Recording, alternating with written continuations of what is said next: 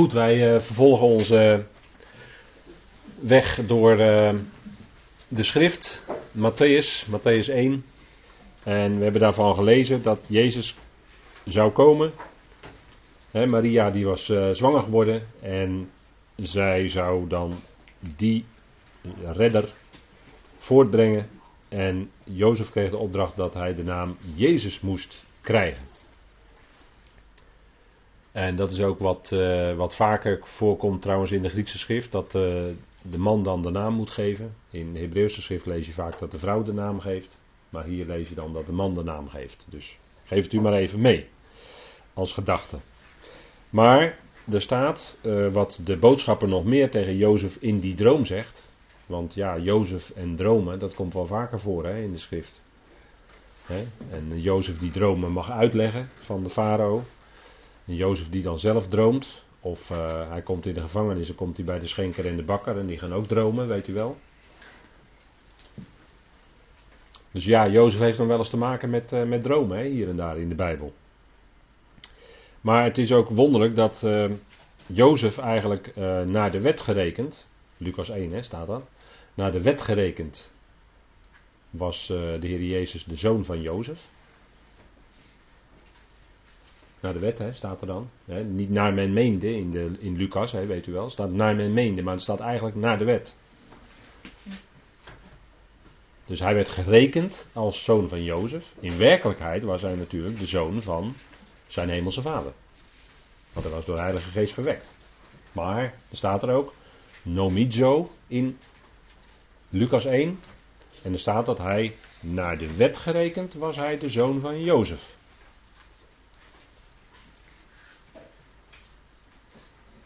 En nu is het wonderlijke dat zowel bij zijn geboorte als in zijn opstanding er een Jozef is. Want van wie was de hof waarin hij gelegd werd? Die was van Jozef van Arimathea. En men denkt dat het misschien wel zijn oom is geweest. Het was in ieder geval een rijk en invloedrijk man, Jozef. En mogelijk ook een familielid, want hij kreeg eigenlijk, hij verzocht aan Pilatus om het lichaam van de Heer van het kruis af te mogen nemen. En zonder slag of stoot kreeg hij, kon hij dat ook gewoon zo doen. Dat kwam waarschijnlijk A, omdat hij uh, misschien wel familie van de Heer zelfs was. En B, omdat hij ook heel invloedrijk was en tot Sanhedrin behoorde enzovoort. Dus een rijk man in ieder geval. Maar goed, ik geef dat maar even mee, een aantal dingen zo ter overweging. Hè. Jozef betekent uh, toevoeger vanuit het Hebreeuws. En zo mocht deze Jozef, die dan gerekend werd als vader van onze Heer, aan het volk een hele bijzondere toevoegen, om het zo maar te zeggen. Namelijk onze Heer Jezus Christus. zo, zo, kun je die namen, hè, kan je met namen en betekenissen, uh, zie, je daar een, uh, zie je daar lijntjes in lopen.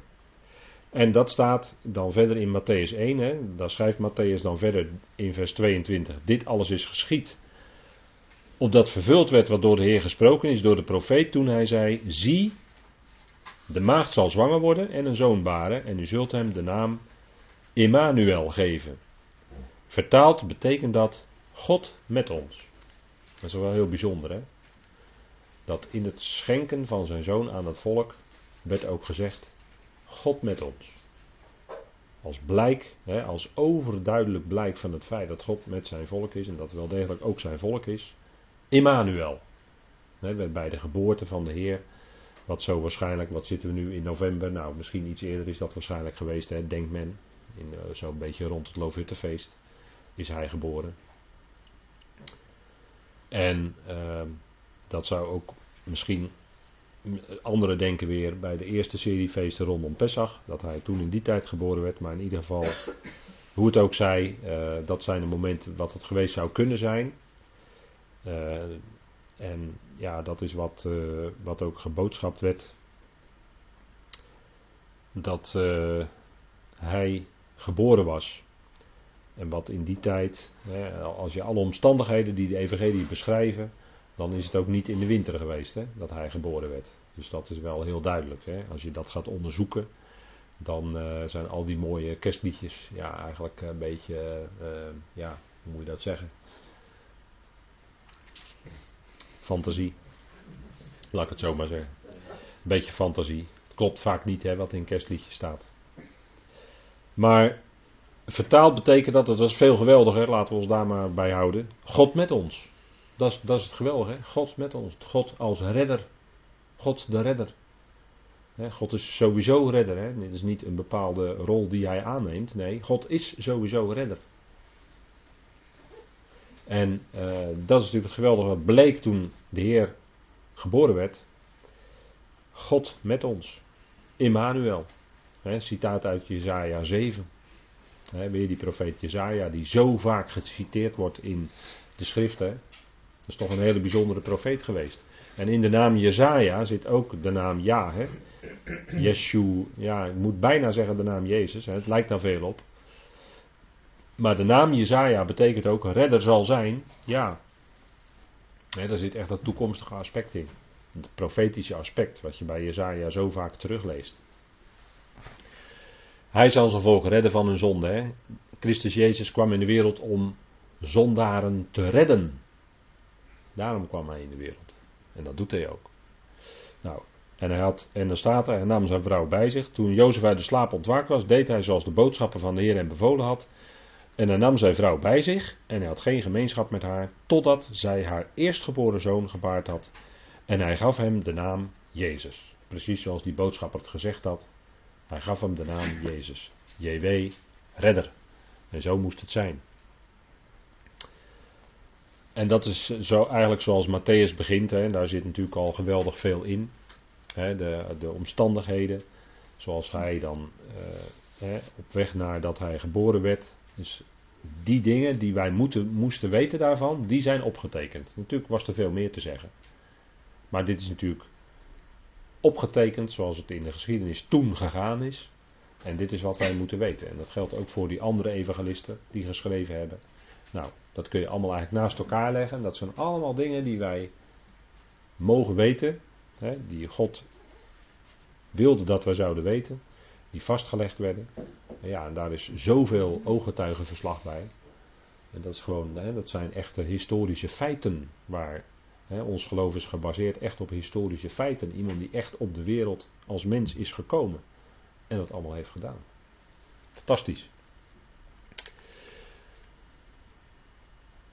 Petrus, die later in handelingen tegenover zijn volksgenoten spreekt ook over die naam Jezus. En dan zegt hij, dat is die bekende tekst hè, uit Handelingen 4. Want er is geen andersoortige naam onder de hemel aan de mensen gegeven, waardoor wij gered moeten worden. Staat heel duidelijk in de grondtekst staat het woord moeten, hè? waardoor wij gered moeten worden. Dus hij is die enige weg tot redding, is de enige weg van redding. En er is geen andersoortige naam, hè, staat er dan. Uw vertaling zegt altijd geen andere naam, maar er staat in het Grieks dat verschil. Hè. Heb je twee woorden wat je met ander kunt vertalen, maar het ene woord drukt uit andersoortig. Dus het is alleen in die naam is redding. Dat is het enige. heel sterk. Geen andersoortige naam onder de hemel aan de mensen gegeven, waardoor wij, zegt Petrus dan tegen zijn volk, hè, wij, Joodse volk, Israël, gered moeten worden. En dat geldt natuurlijk voor iedereen, hè? geldt niet alleen voor Israël uiteraard, maar hier is specifiek wij, Israël, enige weg tot redding, andere weg is er niet. Geen weg via de, de werken van de wet. Het is niet een weg van uh, je hele leven uh, je houden aan de Torah. Dat is niet de weg van redding. Want hier staat wat de enige is, dat is Hij. Dat is de Heer Jezus Christus. Dat is de enige weg tot redding. Enige weg van redding. Enige redder.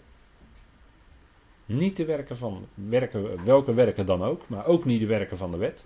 Ook al doe je dat je hele leven heel trouw en heel, heel nauwgezet. Maar dat is niet de garantie van redding, van zonde en dood. Dat is alleen wat de Heer kan doen.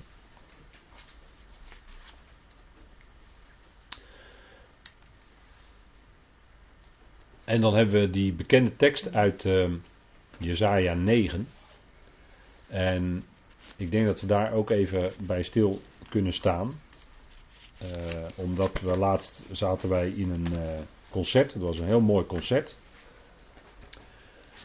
En dat uh, kent u wel, dat is de Jong Messiah. Dat is een heel mooi concert. Maar er werd dit ook gezongen. En toen, ja, dat haakte bij mij altijd. Uh, laten we die woorden eerst maar eens even met elkaar lezen. Hè, die altijd zo in december in vele kerken en kringen gelezen worden. Hè, Jezaja 9.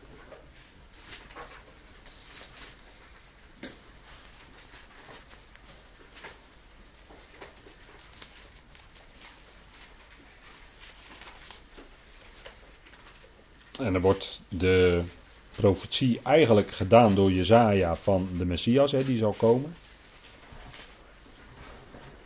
Jezaja 9 begint dan met het volk dat in duisternis wandelt zal een groot licht zien. Zij die wonen in het land van de schaduw van de dood, over hen zal een licht schijnen. Nou, dat is in feite dat licht wat zou komen, dat grote licht. Dat is natuurlijk toen de Heer Jezus kwam en die zei van zichzelf: Ik ben het licht van de wereld. Dat zei hij tegen zijn volk. Ik ben het licht van de wereld. En dan zullen ze ongetwijfeld gedacht hebben aan deze profetie uit Jezaja. En die wordt ook aangehaald in het Nieuwe Testament. Het volk dat in duisternis wandelt, zal een groot licht zien. En staat er: U hebt dit volk talrijk gemaakt. Hebt u, niet hebt u niet de blijdschap groot gemaakt? Ze zullen blij zijn voor uw aangezicht. Zoals men zich verblijdt bij de oogst, zoals men zich verheugt. Wanneer men de buit verdeelt. Want het juk van hun last, de stok op hun schouders en de knuppel van hun slavendrijver hebt u verbroken als op Midians dag. Ja, elke laars stampend met gedreun. Iedere soldatenmandel gewenteld in bloed zal verbrand worden, voedsel voor het vuur. Want, en dan komen die bekende woorden, een kind is ons gegeven, is ons geboren, een zoon is ons gegeven, en de heerschappij rust op zijn schouder, en men noemt zijn, en men noemt zijn naam, wonderlijk, raadsman, sterke God, eeuwige Vader, vredevorst. Aan de uitbreiding van deze heerschappij en aan de vrede zal geen einde komen op de troon van David en over zijn koninkrijk, om het te grondvesten en het te ondersteunen door recht en gerechtigheid. Van nu aan tot in eeuwigheid, de naijver van de Heer van de legermachten zal dit doen. Nou, dit wordt, dit wordt dan ook in zo'n Messiah of jong Messiah, wordt dit ook dan gezongen. En dat dreunt dan in zo'n kerk. En dan denk je, ja, het is prachtig. Alleen, ja, hier en daar heb je toch wat vraagtekens bij de tekst, hè? vanuit Jezaja. Uh, er staat bijvoorbeeld, men noemt zijn naam, en dat gaat natuurlijk over de geboorte van de Messias, in vers 5. Een kind is ons geboren, een zoon is ons gegeven. En dat gaat natuurlijk over iedereen die ziet daarin natuurlijk dat daarmee profetisch wordt gesproken over de Heer Jezus. dat is logisch. Maar dan kom je daarna in de problemen, want dan staat er aan het eind van het vers: Sterke God, eeuwige Vader. Wacht even. Wacht even. Hoe kan dat? Hoe kan die Messias die hier aangekondigd wordt, door de profeet in één adem bijna, niet alleen zoon, maar ook eeuwige vader genoemd worden? Als je even als lezer oplettend probeert te lezen. Hè? Hoe kan dat nou? Dus een, daarin zit een tegenstrijdigheid.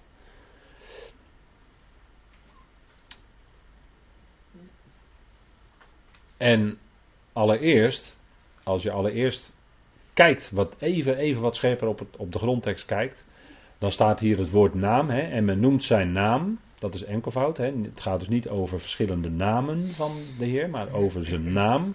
En men noemt zijn naam wonderlijk. Hè, dat betekent vanuit het Hebreeuws geweldig of wonderbaarlijk. En daarna komen een aantal vaststellingen over hem. Maar dan ben je eigenlijk al voorbij die naam. Hè? En je bent altijd geneigd te lezen, die naam, dat is allemaal die naam. Hè? Dat zit allemaal in die naam. Maar dan moet je toch even, als je nauwkeurig leest, dan is die naam alleen wonderlijk. En daarna worden andere dingen gezegd. Terwijl het gewoon zo lezen. Ja, omdat het in de vertaling wordt het aan je opgelepeld. En dus lees je het altijd zo. Hè? Dat geldt zowel voor de Engelse als voor de Nederlandse vertalingen. En dan denk je dat dat er staat. Nou, Even een voorbeeldje. De Griekse vertaling van de Hebreeuwse Bijbel, die dus teruggaat op de oudste manuscripten, of oudere, oudere manuscripten dan de, de moderne Hebreeuwse Bijbel, zeg maar, die heeft een aantal verschillen. Die heb ik hier op deze dia ook uitgeschreven voor u, dus kunt u altijd nakijken op uw gemak. maar die heeft bijvoorbeeld raad in plaats van raadsman. Die heeft bijvoorbeeld boodschapper in plaats van God. Die heeft brengen in plaats van vader. Die heeft voornaamste in plaats van vorst. Dus u ziet al dat de verschillen aanzienlijk zijn. Hè? Aanzienlijke verschillen. En die Griekse vertaling die gaat terug op een Hebreeuwse tekst van zo'n 200, 300 voor Christus. Terwijl de huidige Hebreeuwse teksten die, als je die kunt lezen in je hand hebt, die, de, dat hele puntjesysteem en zo, dat dateert uit uh, minimaal 600, 700 na Christus. Dus dat zijn al veel jongere teksten. Maar hoe ouder een tekst is, hoe betrouwbaarder die is natuurlijk, hè, altijd. Hoe ouder, hoe betrouwbaarder. In de wereld zeggen ze hoe nieuwer, hoe betrouwbaarder, maar wij zeggen hoe ouder, hoe betrouwbaarder. Hè? Nou, dat heeft hiermee te maken bijvoorbeeld, als wij zo specifiek even kijken naar dat eeuwige vader, dan is dat, dan staat er in het Hebreeuws die uitdrukking, aviot, aviot, maar het kan heel goed zijn dat er in het overschrijven één letter is weggevallen, dat is de letter alef, en die lees je dan ook terug in de Septuagintlezing. En dan staat er ineens iets heel anders. Want dan heeft het woord te maken met uh, zal, dan kun je dat ook vertalen. Het woord wat er dan staat kun je vertalen met zal brengen.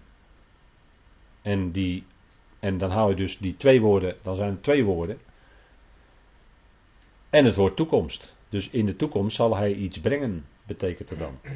Dus dan ben je dat hele eeuwige vader, wat trouwens ook al een heel, hele ingelegde vertaling is, moet ik zeggen, op het, op het Hebreeuws wat je ziet staan. Wat al is een hele discutabele vertaling al, sowieso, op het Hebreeuws, maar dan wordt het, hij zal in de toekomst brengen. Dus dan heb je een hele andere lezing ineens. En dan doe je echt geen, uh, geen geweld aan de tekst hoor.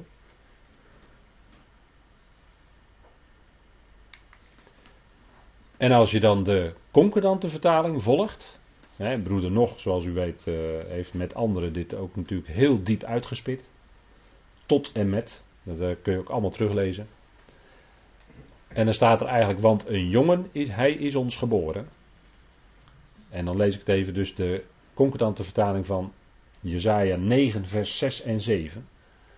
Want een jongen hij is ons geboren, een zoon hij is ons gegeven.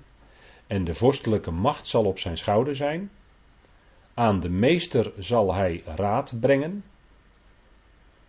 En aan de vorstelijke macht vrede. En aan de toename van de vorstelijke macht en aan de vrede zal geen einde zijn. Op de troon van David en over zijn koninkrijk om het gereed te maken en het te steunen. In gericht en in gerechtigheid. Verder en in de toekomstige aion. De ijver van JW van de legermachten zal dit doen. Nou, dit is de weergave van de concordante vertaling. Dus dan heb je een hele andere tekst. Die wel veel meer recht doet aan het tekstverband waar het in staat. En dan is ineens dat enorme probleem waar je tegenaan loopt. Een zoon is ons gegeven en die wordt in één adem ook eeuwige vader genoemd. Dat ben je dan kwijt. Op hele goede gronden, verantwoorde gronden.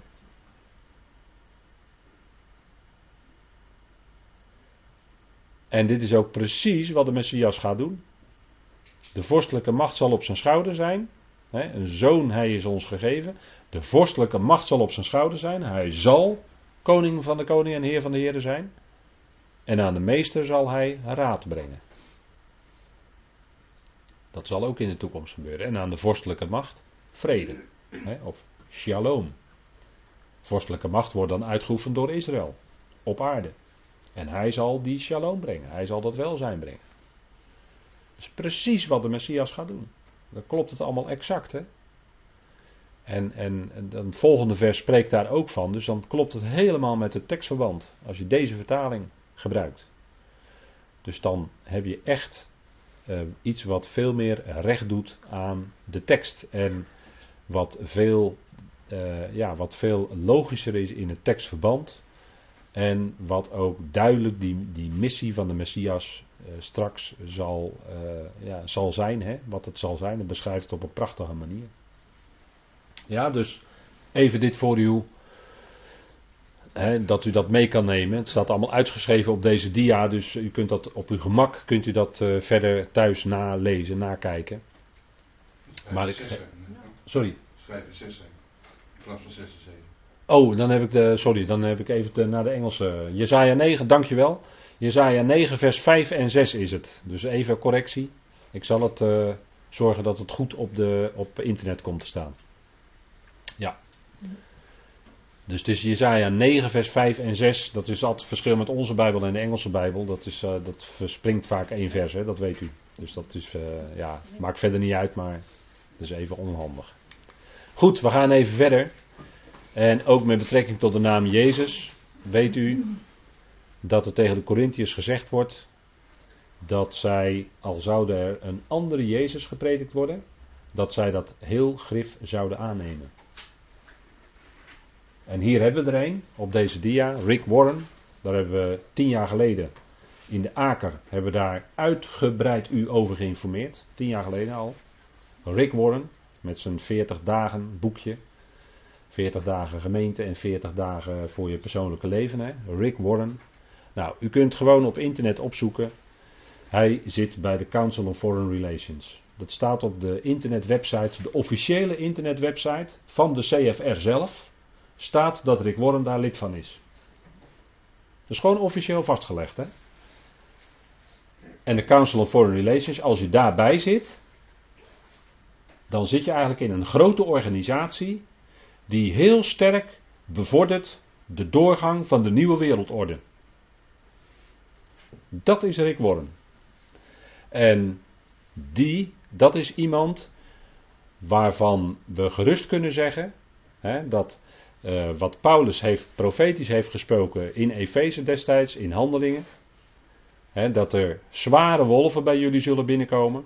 Nou, dat geldt voor het grote geheel van de christenheid, later ook, vandaag aan de dag nog steeds. En dat uit jullie eigen midden mannen zullen opstaan die verdraaide dingen spreken. Dus dingen die een waar eerst een draai aan is gegeven en vervolgens wordt er doorgegeven. Zo hè. Om de discipelen weg te trekken achter zich aan. Rick Warren is zo iemand. Die predikt niet de Jezus van de schriften, maar een andere. En dat doet hij, hè, zoals Romeinen 6. Hè, ik heb een aantal teksten eronder gezet. Waarin Paulus heel scherp spreekt over mensen die misleiden. En in Romeinen 16 spreekt hij dan over mooie woorden gebruiken. Schoonklinkende woorden. Vlijtaal. Hoe moet ik het noemen? Om zo mensen achter zich te krijgen. En dat verbindt Paulus daarmee dat de tegenstander weldra onder de voeten verpletterd zal worden. Dus die tekst. Hij is daar een voorbeeld van. vergist u zich niet. Het kunnen mooie woorden zijn, maar de woorden kunnen, daarin kan een laag zitten, of een heel dicht daaronder kan een laag zitten, wat gewoon niet klopt. En je leest tussen de regels door dat het niet klopt, en het klopt ook niet. Het is verbonden met New Age. Hij citeert allerlei New Age auteurs, enzovoort, enzovoort. Maar tien jaar geleden al hebben we u daar uitvoerig op meer, ik dacht drie avonden in de Aker over geïnformeerd. Dus zijn we daar heel diep op ingegaan. En hij heeft uh, heel veel succes gehad. Vandaag de dag nog steeds. Maar dat valt onder deze kwalificatie. Dus. En dat zeg ik in verband met de naam Jezus. Hè. Er zijn ook die een andere Jezus prediken, hè, zoals Paulus dat in Korinthe zegt, 2 Korinthe 11. En de Corinthiërs aanvaarden het grif. En er komt zo iemand, en binnen de christenheid aanvaarden ze het grif. Maar je moet altijd toetsen aan de schrift. Wie het ook is, wat er ook gezegd wordt, toetsen aan de schrift. En als het er niet staat, ja, dan kom je in de problemen. Als het er niet staat, ja, dan uh, kun je daar eigenlijk de conclusie trekken, ja, het staat er niet. En dus moet je heel erg oppassen. Heel erg oppassen.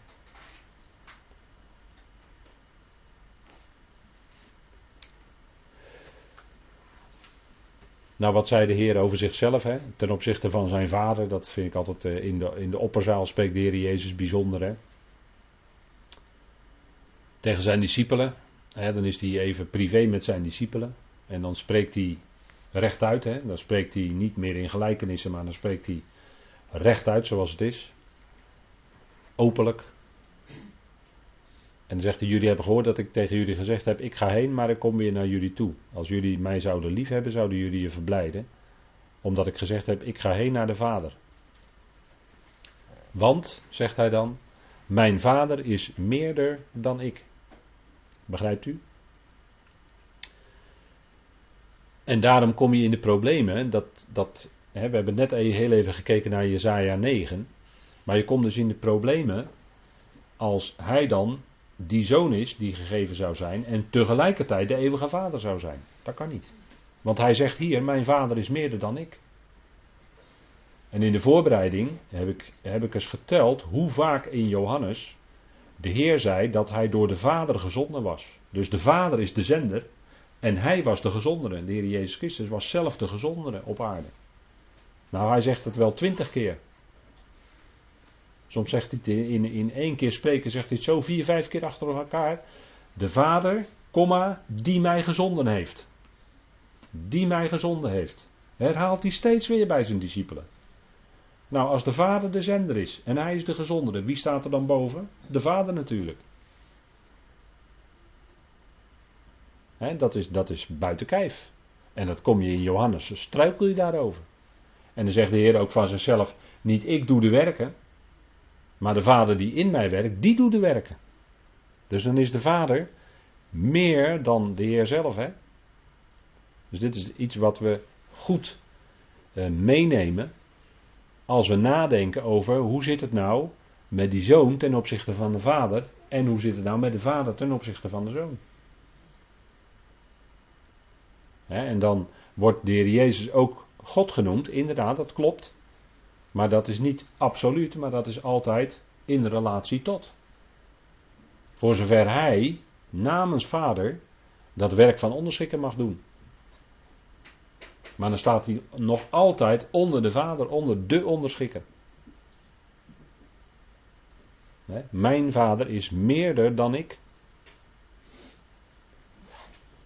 En zo heeft hij wel meer van dit soort uitspraken gedaan. Ik had u gezegd dat ik in diverse keren zou ik hier en daar eens wat zeggen over deze dingen. Opdat u goede contrasten kunt zien hè, tussen de vader en de zoon. Ik denk dat het heel belangrijk is daar, daar moet je evenwichtig in zijn. Je kan niet doorslaan naar het ene en ook niet doorslaan naar de andere kant. Het is evenwichtig, je moet het in balans houden.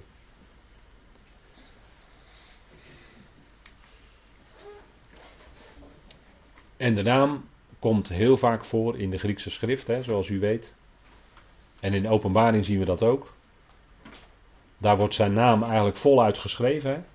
Hij die is, die was en die komt. Hè. Openbaring 1, vers 4 en 8. En dat wordt eigenlijk, als je openbaring 1 leest, wordt dat eigenlijk toegepast op de Heer Jezus zelf. Hè?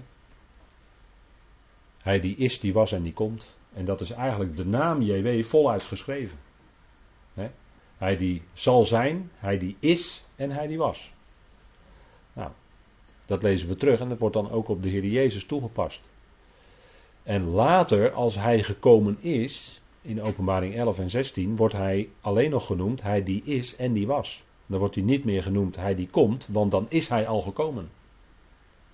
Dus dan ontbreekt dat aspect. Hè? Ziet u hoe nauwkeurig de schrift is? Nee, in openbaring 11, dan is hij gekomen en dan wordt er ook gejuicht dat hij koning van de koningen en heer van de heren is. Openbaring 11. Dan is hij dus gekomen. En dan wordt hij nog genoemd hij die was en hij die is. Dat is de nauwkeurigheid van de schrift. En die representeert hij als geen andere. Die grote God, zijn vader, die mag hij representeren als degene die was en die is.